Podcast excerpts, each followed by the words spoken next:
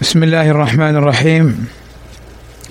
إن الحمد لله نحمده ونستعينه ونستغفره ونعوذ بالله من شرور أنفسنا ومن سيئات أعمالنا. من يهده الله فلا مضل له ومن يضلل فلا هادي له. وأشهد أن لا إله إلا الله وحده لا شريك له وأشهد أن محمدا عبده ورسوله. ألا وإن أصدق الكلام كلام الله وخير الهدى هدى محمد وشر الأمور محدثاتها وكل محدثة بدعة وكل بدعة ضلالة وكل ضلالة في النار. أما بعد فقد توقفنا في مدارسة الأربعين النووية عند الحديث الثاني وقد انتهينا من الحديث الأول وهو حديث إنما الأعمال بالنيات الذي أخرجه البخاري ومسلم. حديث إنما الأعمال بالنيات أخرجه البخاري ومسلم. واليوم بإذن الله تعالى ندخل ونتدارس الحديث الثاني وهو حديث عمر رضي الله عنه أيضا وهو مشهور عند العلماء بحديث جبريل عليه السلام الطويل. ولفظه عن عمر رضي الله عنه قال بينما نحن جلوس عند رسول الله صلى الله عليه وسلم ذات يوم إذ طلع علينا رجل شديد بياض الثياب شديد سواد الشعر لا يرى عليه أثر السفر ولا يعرفه منا أحد حتى جلس إلى النبي صلى الله عليه وسلم فأسند ركبتيه إلى ركبتيه. ووضع كفيه على فخذيه. وقال يا محمد أخبرني عن الإسلام. فقال رسول الله صلى الله عليه وسلم الإسلام أن تشهد أن لا إله إلا الله وأن محمدا رسول الله. وتقيم الصلاة وتؤتي الزكاة وتصوم رمضان وتحج البيت إن استطعت إليه سبيلا. قال صدقت.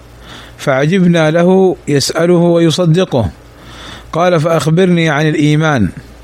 فقال صلى الله عليه وسلم أن تؤمن بالله وملائكته وكتبه ورسله واليوم الآخر وتؤمن وتؤمن بالقدر خيره وشره. قال صدقت. قال فأخبرني عن الإحسان. قال أن تعبد الله كأنك تراه فإن لم تكن تراه فإنه يراك.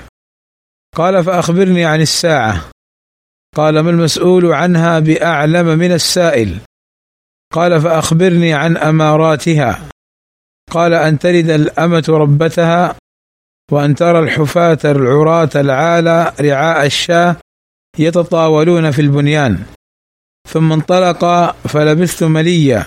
ثم قال يا عمر أتدري من السائل؟ قلت الله ورسوله أعلم. قال فإنه جبريل أتاكم يعلمكم دينكم. رواه مسلم. هذا الحديث الثاني كما سبق معنا يعرف عند العلماء بحديث جبريل الطويل.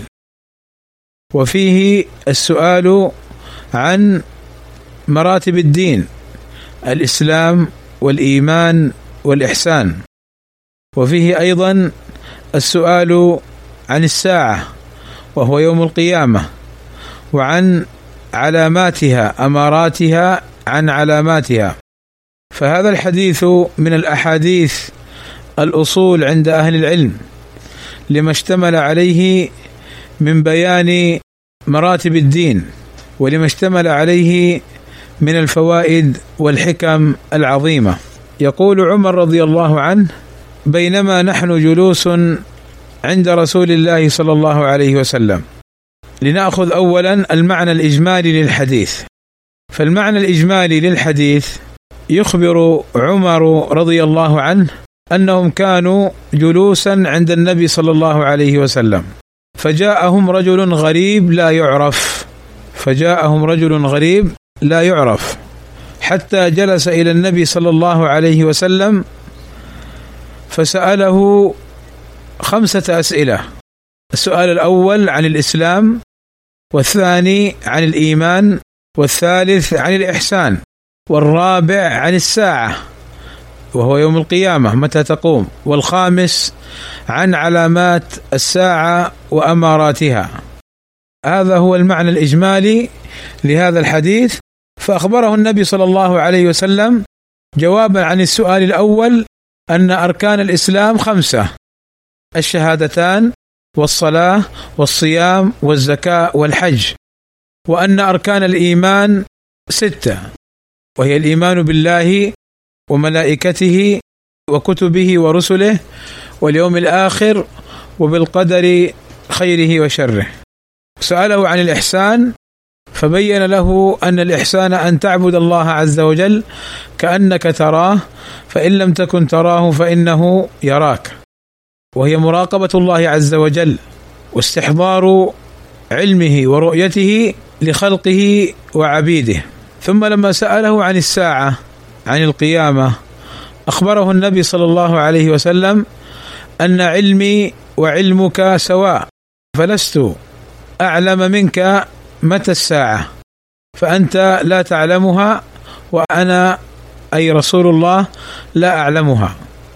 لماذا؟ لأن الساعة علمها عند الله ولا يعلم الغيب إلا الله سبحانه وتعالى.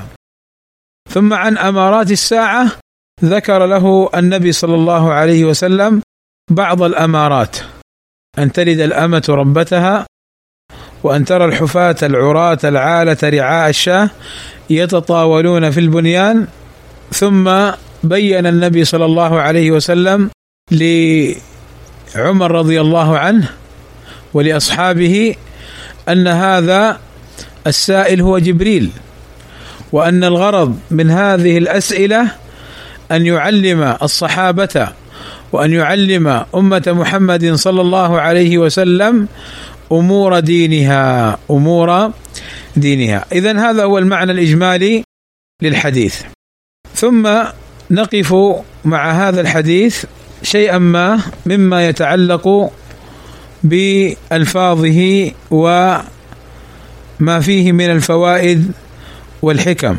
فعمر رضي الله عنه يقول بينما نحن جلوس عند رسول الله صلى الله عليه وسلم ذات يوم إذ طلع علينا رجل شديد بياض الثياب. في هذا الكلام من عمر رضي الله عنه وعن جميع صحابة رسول الله صلى الله عليه وسلم فائدة مهمة وجليلة وهي بيان حرص الصحابة رضوان الله عليهم على التعلم وأخذ العلم من النبي صلى الله عليه وسلم وعلى مجالسة النبي صلى الله عليه وسلم. فهؤلاء الصحابة رضوان الله عليهم كانوا من أحرص الناس على هذا الأمر. حتى كان الواحد منهم ومنهم عمر رضي الله عنه إذا شغله أمر أو ذهب في شغل أهله عندما يرجع في الليل يذهب إلى جاره الأنصاري الذي تناوب معه في الحضور عند النبي صلى الله عليه وسلم فيسأله ماذا حصل وماذا قال النبي صلى الله عليه وسلم في هذا اليوم. فطلب العلم لا يشغل المسلم عن تحصيل رزقه وقوته. وتحصيل الرزق والقوت لا يشغل المسلم عن طلب العلم. فهذا فيه كما سبق حرص الصحابة رضوان الله عليهم على مجالسة النبي وعلى تعلم العلم والازدياد من العلم النافع ليحصل لهم بإذن الله العمل الصالح. وفيه فائدة لنا نحن وفيه فائدة لنا نحن معاشر المسلمين أن نحرص على سؤال العلماء وعلى مجالستهم وعلى الاستفادة منهم وأن لا نضيع أوقاتنا فيما لا خير فيه. يقول عمر بينما نحن جلوس عند رسول الله صلى الله عليه وسلم. ذات يوم إذ طلع علينا رجل شديد بياض الثياب يعني ثيابه بيضاء لا وسخ فيها ونظيفة وجديدة شديد بياض الثياب. وشديد سواد الشعر ليس بالرجل الكبير بل هو شاب لا يرى عليه أثر السفر لأنهم لا يعرفونه. فلو كان مسافرا وأتى من مكان آخر لرؤي عليه أثر السفر وأثر السفر يظهر في وجوه منها أن يكون هذا الرجل متعبا ويظهر التعب على وجهه. وعلى حاله. ومنها أيضا أن الشعر ونحوه في السفر قد يعرض لنوع من عدم الاهتمام به. ومنها أيضا أن الثياب تكون مغبرة أو فيها شيء من الوسخ وأثر السفر. لكن هذا الرجل لا يعرفونه من قبل ولا يرى على ظاهره أنه أتى من مكان بعيد. فعمر رضي الله عنه بين لنا هيئة هذا الرجل وهو جبريل عليه الصلاة والسلام في أول قدومه على النبي صلى الله عليه وسلم في هذه القصة. ثم قال حتى جلس إلى النبي صلى الله عليه وسلم فأسند ركبتيه إلى ركبتيه ووضع كفيه على فخذيه. قال العلماء يؤخذ من هذا يؤخذ من هذا فائدة في أدب طالب العلم وهو أن يجلس عند العالم باحترام وبأدب. وهنا لا مانع أن أبين فائدة أيضا أخرى تتعلق بآداب طالب العلم. فأقول بارك الله فيكم آداب طالب العلم ينبغي أن تكون على السنة بمعنى أن ينظر إلى ما كان عليه النبي صلى الله عليه وسلم وأصحابه فيقتدي بهم. ولعل قائلا يقول ماذا تريد أن تنبه عليه؟ فأقول بارك الله فيكم. أريد أن أنبه إلى أن هناك بعض كتب طلب العلم تذكر آدابا لطالب العلم ليست على السنة بل هي على آداب الصوفية والمتصوفة. فمثل هذه الآداب لا ينبغي مراعاتها ولا النظر فيها. لماذا؟ لأن المسلم السني السلفي الذي يتبع ما كان عليه النبي صلى الله عليه وسلم وأصحابه الكرام يبحث ويتابع السنة أما الآداب والأخلاق التي يذكرها الصوفية ومن دار في فلكهم فإن السني إن كانت هذه الآداب لا دليل عليها فإنه لا يلتفت إليها ولا يأمر بها. ولذلك بعض أهل العلم ينبه على بعض كتب طلب العلم ككتاب تذكرة السامع لابن جماعة وأيضا كتاب الزرنوجي في طلب العلم فإنهم ذكروا آداب تتعلق بآداب الصوفية لا بآداب طالب العلم السني المتبع. فلذلك بارك الله فيكم جميعا. احذروا احذروا أن تقتدوا بآداب لا دليل عليها وليست من آداب السلف لأن بعض هذه الآداب قد تصرف عن الحق وأقولها بوضوح. بعض هذه الآداب قد تصرف عن الحق وقد تجعل طالب العلم لا يبحث عن الحجة وإنما يبحث عن رضا الشيخ ويبحث عن هذه الآداب التي ما أنزل الله بها من سلطان. ولا شك أن السنة الممثلة فيما كان عليه النبي صلى الله عليه وسلم وأصحابه الكرام كافية وشافية في آداب طالب العلم. ومن لم يقتدي بالسنة في ذلك فلا انتفع بآداب طالب العلم. فلتسعنا جميعا السنة في باب آداب طالب العلم.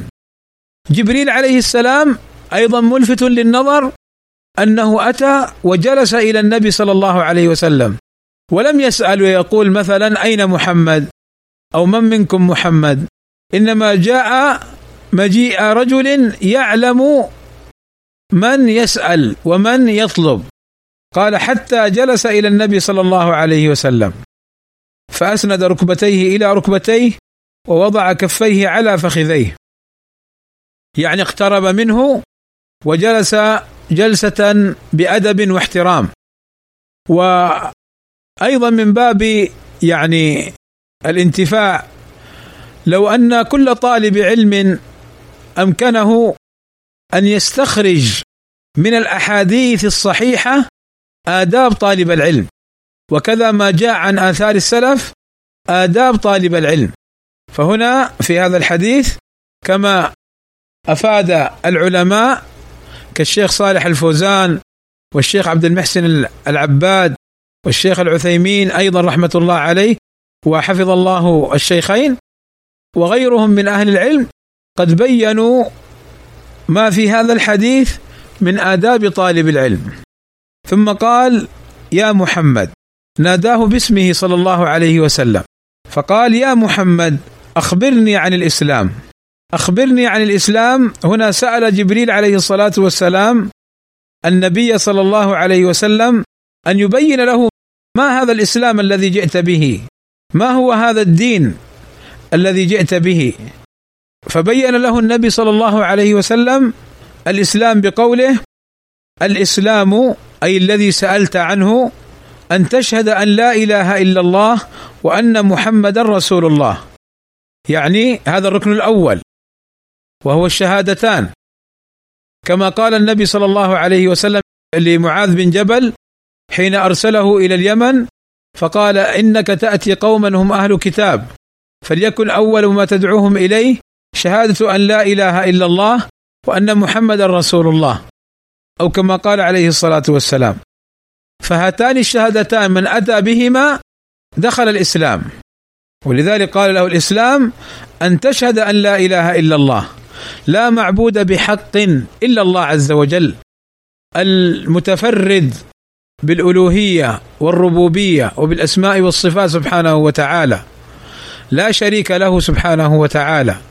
وكل إله معبود من دونه إله باطل فهو الإله الحق سبحانه وتعالى. وأن محمد رسول الله تشهد أن محمد هو رسول من الله يطاع فيما أمر ويجتنب ما نهى عنه وزجر ويؤمن العبد بما أتى به وأخبر عليه الصلاة والسلام. وفائدة إرسال الرسول صلى الله عليه وسلم أن يخبر عن الله عز وجل ما يأمر به العباد أو ينهى عنه العباد. وما أرسلنا من رسول إلا ليطاع بإذن الله. وهنا أقف وقفة سريعة مع إخواني المسلمين والمسلمات مع أبنائنا وبناتنا جميعا أن نتأمل وأن نتدبر هذه القضية. وهي أن الله عز وجل أرسل إلينا نبينا محمدا صلى الله عليه وسلم لماذا؟ لنؤمن به ولنتبعه فهذا الرسول عليه الصلاة والسلام مصطفى ومختار من الله عز وجل فالواجب علينا جميعا أن نتبعه صلى الله عليه وسلم ولا نتبع فلانا وفلانا من من الناس إلا ما كان عليه النبي صلى الله عليه وسلم وأصحابه. لأنه كما سبق وأن ذكرنا وتدارسنا في بعض الدروس هناك بعض الناس حملوا الناس على أهوائهم وحملوا الناس على آرائهم. فهنا نقول لهؤلاء رسولنا هو محمد صلى الله عليه وسلم وهو قدوتنا عليه الصلاة والسلام. وأما العلماء الذين نتبعهم فهم الذين هم ورثة الأنبياء.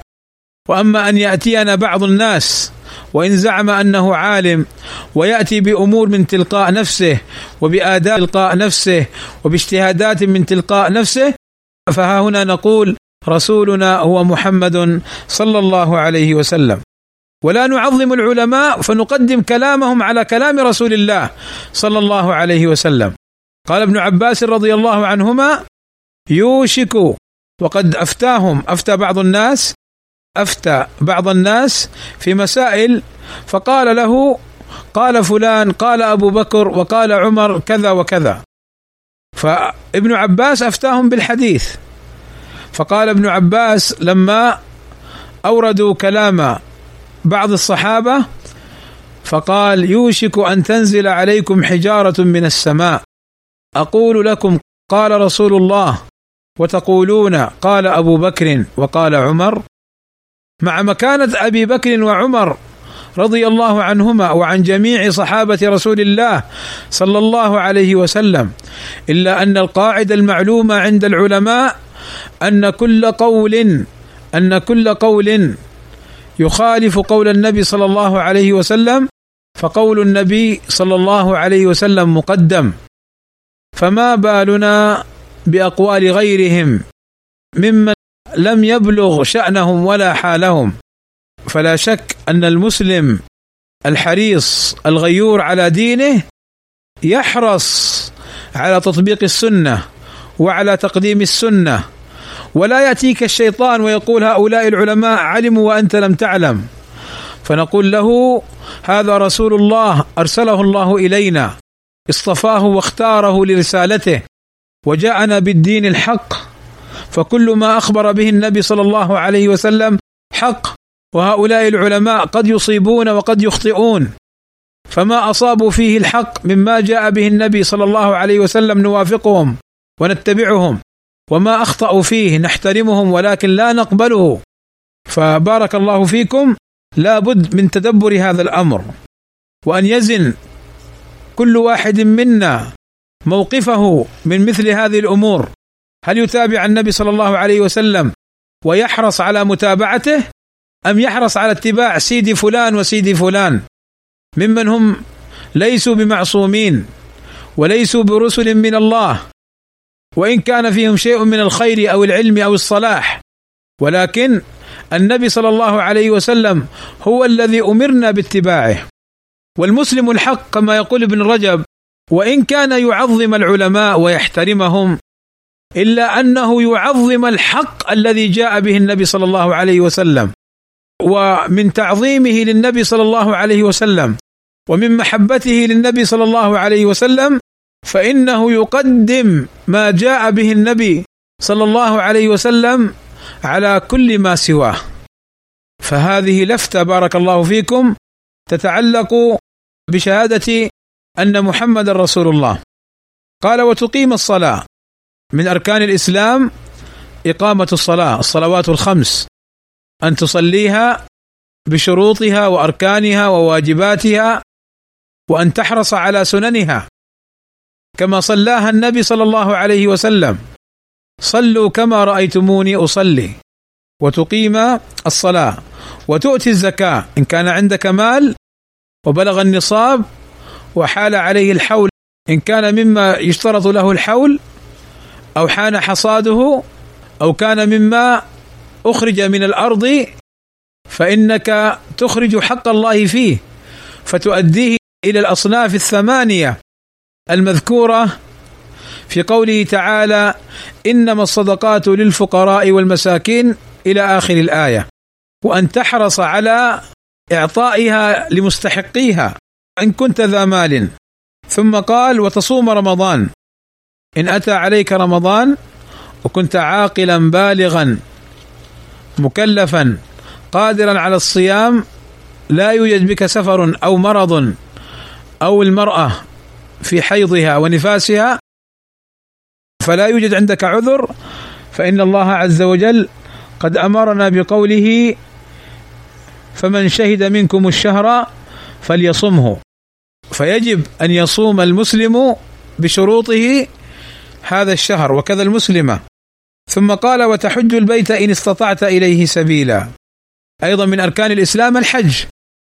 ومن شروطه أن تكون قادرا على مؤنته وكلفته وقادرا مستطيعا في بدنك للإتيان للحج.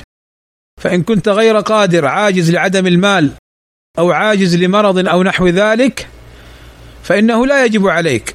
فإن كان عندك مال فإنك توكل من يقوم بأن يحج عنك. هذه أركان الإسلام الخمسة وهي المذكورة في حديث أيضا ابن عمر لما قال عبد الله بن عمر سمعت النبي صلى الله عليه وسلم يقول بني الإسلام على خمس. شهادة أن لا إله إلا الله وأن محمد رسول الله وإقام الصلاة وإيتاء الزكاة وصوم رمضان وحج البيت من استطاع إليه سبيلا. اذا هذه هي أركان الإسلام الخمس. فليحرص المسلم على الإتيان بها. فإن رجلا أتى النبي صلى الله عليه وسلم وسأله عن الشهادتين وعن الصلاة وعن الصيام وعن بعض أركان الإسلام فقال الرجل والله لا أزيد عليهن ولا أنقص. فلما ولى الرجل قال النبي صلى الله عليه وسلم أفلح إن صدق. قال العلماء معناه أنه إن أتى بالأركان على وجهها يعني على سنة النبي صلى الله عليه وسلم فإنه على خير كثير. ويدخل الجنة بإذن الله تعالى. فهذه أركان الإسلام بارك الله فيكم. يجب علينا جميعا نحن المسلمين أن نحرص عليها. الشهادتان فلا نأتي بما يناقضهما. ونقيم الصلاة ونصوم رمضان ونزكي أموالنا ونحج البيت إن استطعنا إليه سبيلا. قال عمر رضي الله عنه فقال أي جبريل صدقت؟ قال للنبي صدقت. قال فعجبنا له يسأله ويصدقه. وجه العجب أن هذا الرجل لا يعرف أنه أسلم من قبل. فالظاهر أنه أتى ليتعلم الإسلام. هذا واحد. الأمر الثاني أن الرجل قال للنبي صلى الله عليه وسلم صدقت يعني كلامك حق وأنا أعرفه. فكيف يسأل؟ فوقع العجب من عدم معرفة الرجل ومن معرفة الرجل بما يقول النبي صلى الله عليه وسلم ومن حال هذا الرجل قبل أن يعرفوا وأن يعلموا أنه جبريل عليه الصلاة والسلام. قال فعجبنا له يسأله ويصدقه. يعني هو يسأله وهو يعلم. قال فأخبرني عن الإيمان. قال جبريل للنبي صلى الله عليه وسلم من مراتب هذا الدين الإيمان. فما هو الإيمان؟ فأخبره النبي صلى الله عليه وسلم بأركان الإيمان. فقال أن تؤمن بالله وملائكته وكتبه ورسله واليوم الآخر وتؤمن بالقدر خيره وشره. قال صدقت. يعني يذكر عمر رضي الله عنه أن جبريل عليه السلام سأل عن الإيمان وأن النبي صلى الله عليه وسلم أخبره بأركان الإيمان. فأول ركن أن تؤمن بالله. ربا خالقا الها رازقا. بيده الأمور كلها سبحانه وتعالى. فإذا كان ربا الها خالقا رازقا بيده الأمور بيده الخلق والأمر سبحانه وتعالى فهو الذي يجب أن تعبده وأن تصرف له كل أنواع العبادة وأن تخشاه وأن تتوكل عليه وأن تدعوه وأن وأن كل الأمور لله عز وجل. قل إن صلاتي ونسكي ومحياي ومماتي لله رب العالمين لا شريك له وبذلك أمرت. وأن المساجد لله فلا تدعوا مع الله أحدا.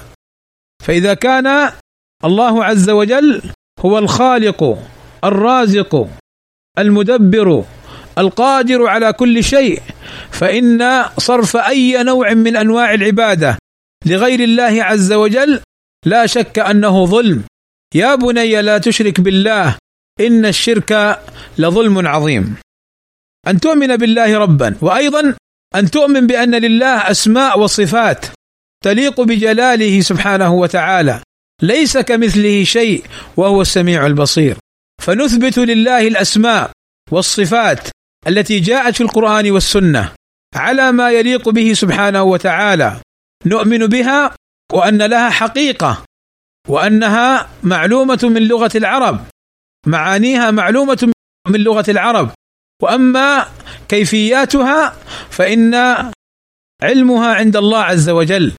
ولكن نؤمن بها وأنها صفات لله عز وجل ثابتة بالكتاب والسنة. ثابتة بالكتاب والسنة. ولا نخوض في تحريفها أو تأويلها أو تعطيلها ولا ننفيها عن الله. الله عز وجل أخبرنا سبحانه وتعالى أن له يد وله ساق وله وجه سبحانه وتعالى فنؤمن بها كما أخبر الله عز وجل في كتابه وكما أخبر النبي صلى الله عليه وسلم في سنته. فإن قيل لنا كيف هذه الصفات فنقول نحن نؤمن بهذه الصفات. ولكن كيف هي؟ لا نستطيع أن نقول كيف لماذا؟ لأننا لم نرى الله في الدنيا. ونسأله سبحانه وتعالى أن يجعلنا جميعا ممن يراه في الآخرة. فإن النظر إلى الله عز وجل هو الزيادة المذكورة في قوله عز وجل للذين أحسنوا الحسنى وزيادة. جاء في حديث النبي صلى الله عليه وسلم أنه ذكر الزيادة لذة النظر إلى الله عز وجل. ففي الدنيا لا يرى الله عز وجل فكما طلب موسى عليه الصلاة والسلام أن يرى الله عز وجل فأخبره سبحانه وتعالى أنه لن يراه أي في الدنيا ولكن في الآخرة يراه المؤمنون. وجوه يومئذ ناظرة إلى ربها ناظرة. فإذا نحن لم نرى الله في الدنيا حتى نقول صفته كذا وكذا وكذا. ولكن نؤمن بأن هذه هي صفاته على ما يليق بجلاله.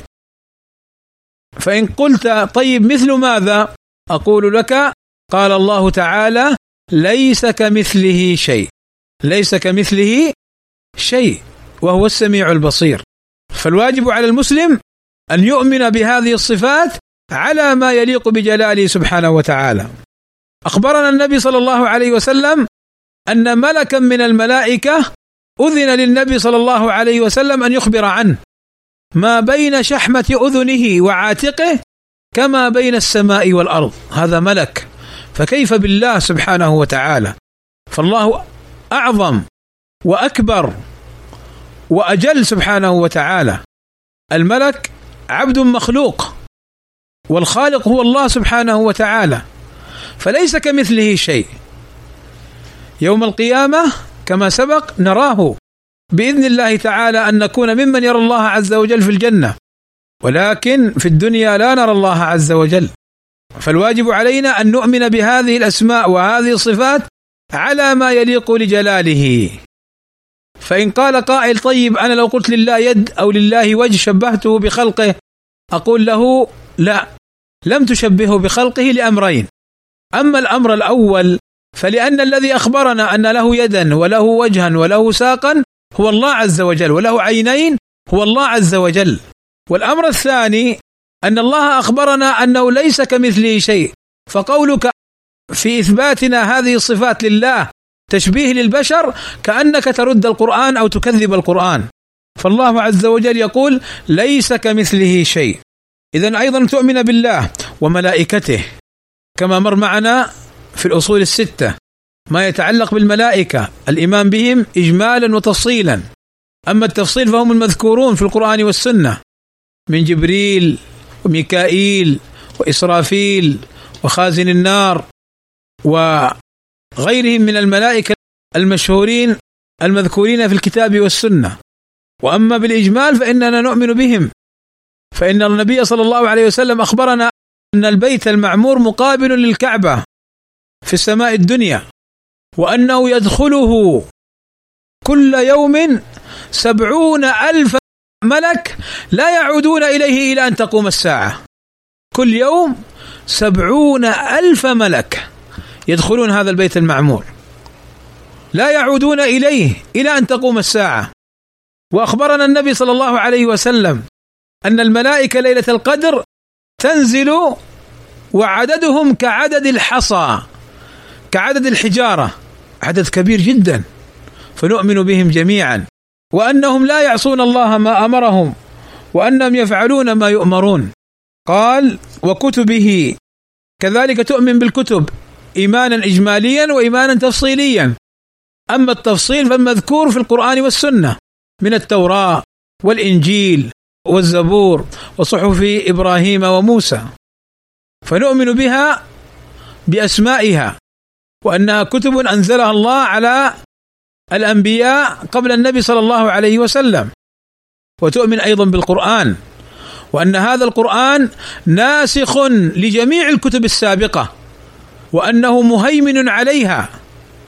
وأنه يجب أن يعمل بالقرآن فقط. ومما أخبرنا الله عز وجل وأخبرنا رسول الله صلى الله عليه وسلم أن التوراة والإنجيل وغيرها قد حرفت وبدلت. وأخبرنا النبي صلى الله عليه وسلم وأخبرنا الله في كتابه أن الله حافظ هذا الكتاب القرآن من التبديل والتغيير. فهو محفوظ بحفظ الله عز وجل. فيجب أن نؤمن بهذا القرآن العظيم وأنه ناسخ لتلك الكتب السابقة ولكن كونها منسوخة لا يعني تكذيبها أو ردها وإنما يعني أننا نؤمن بها ولا نعمل بها. ليش ما نعمل بها؟ لأنها نسخت. ما الدليل؟ الدليل قوله عز وجل إن الدين عند الله الإسلام. وقوله عز وجل ومن يبتغي غير الإسلام دينا فلن يقبل منه. فبين سبحانه وتعالى أن الدين المقبول هو الإسلام. وأن غير الإسلام من يهودية أو نصرانية أو غيرهما غير مقبول. بل أخبر النبي صلى الله عليه وسلم أن موسى ابن عمران لو كان حيا ما وسعه إلا اتباع النبي صلى الله عليه وسلم. بل أخبر النبي صلى الله عليه وسلم أن عيسى عليه الصلاة والسلام حين ينزل في آخر الزمان يكسر الصليب ويقتل الدجال المسيح الدجال ويضع الجزية إما الإسلام وإما القتل.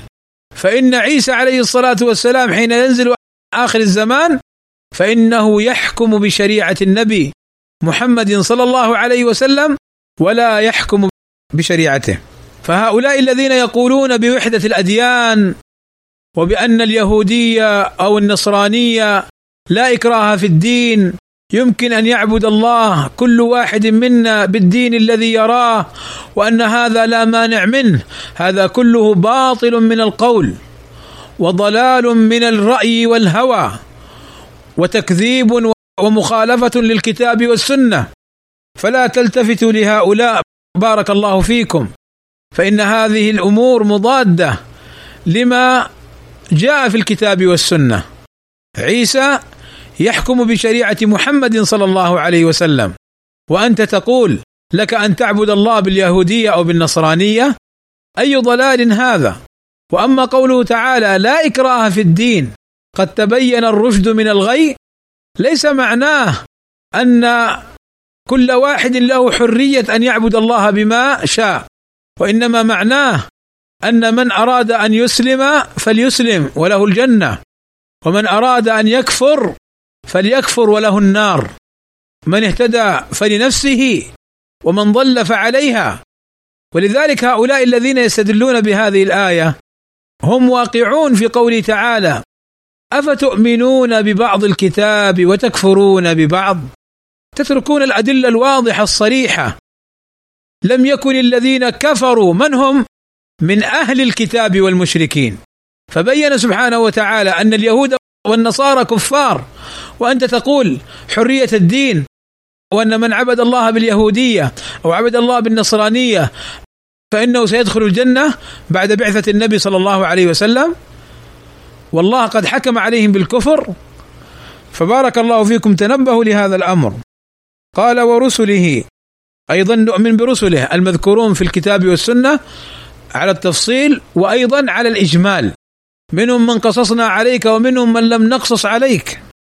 وكذا اليوم الآخر وما فيه من أهوال ووقوف في العرصات والحشر والصراط وحوض النبي صلى الله عليه وسلم وما فيه من موقف الحساب.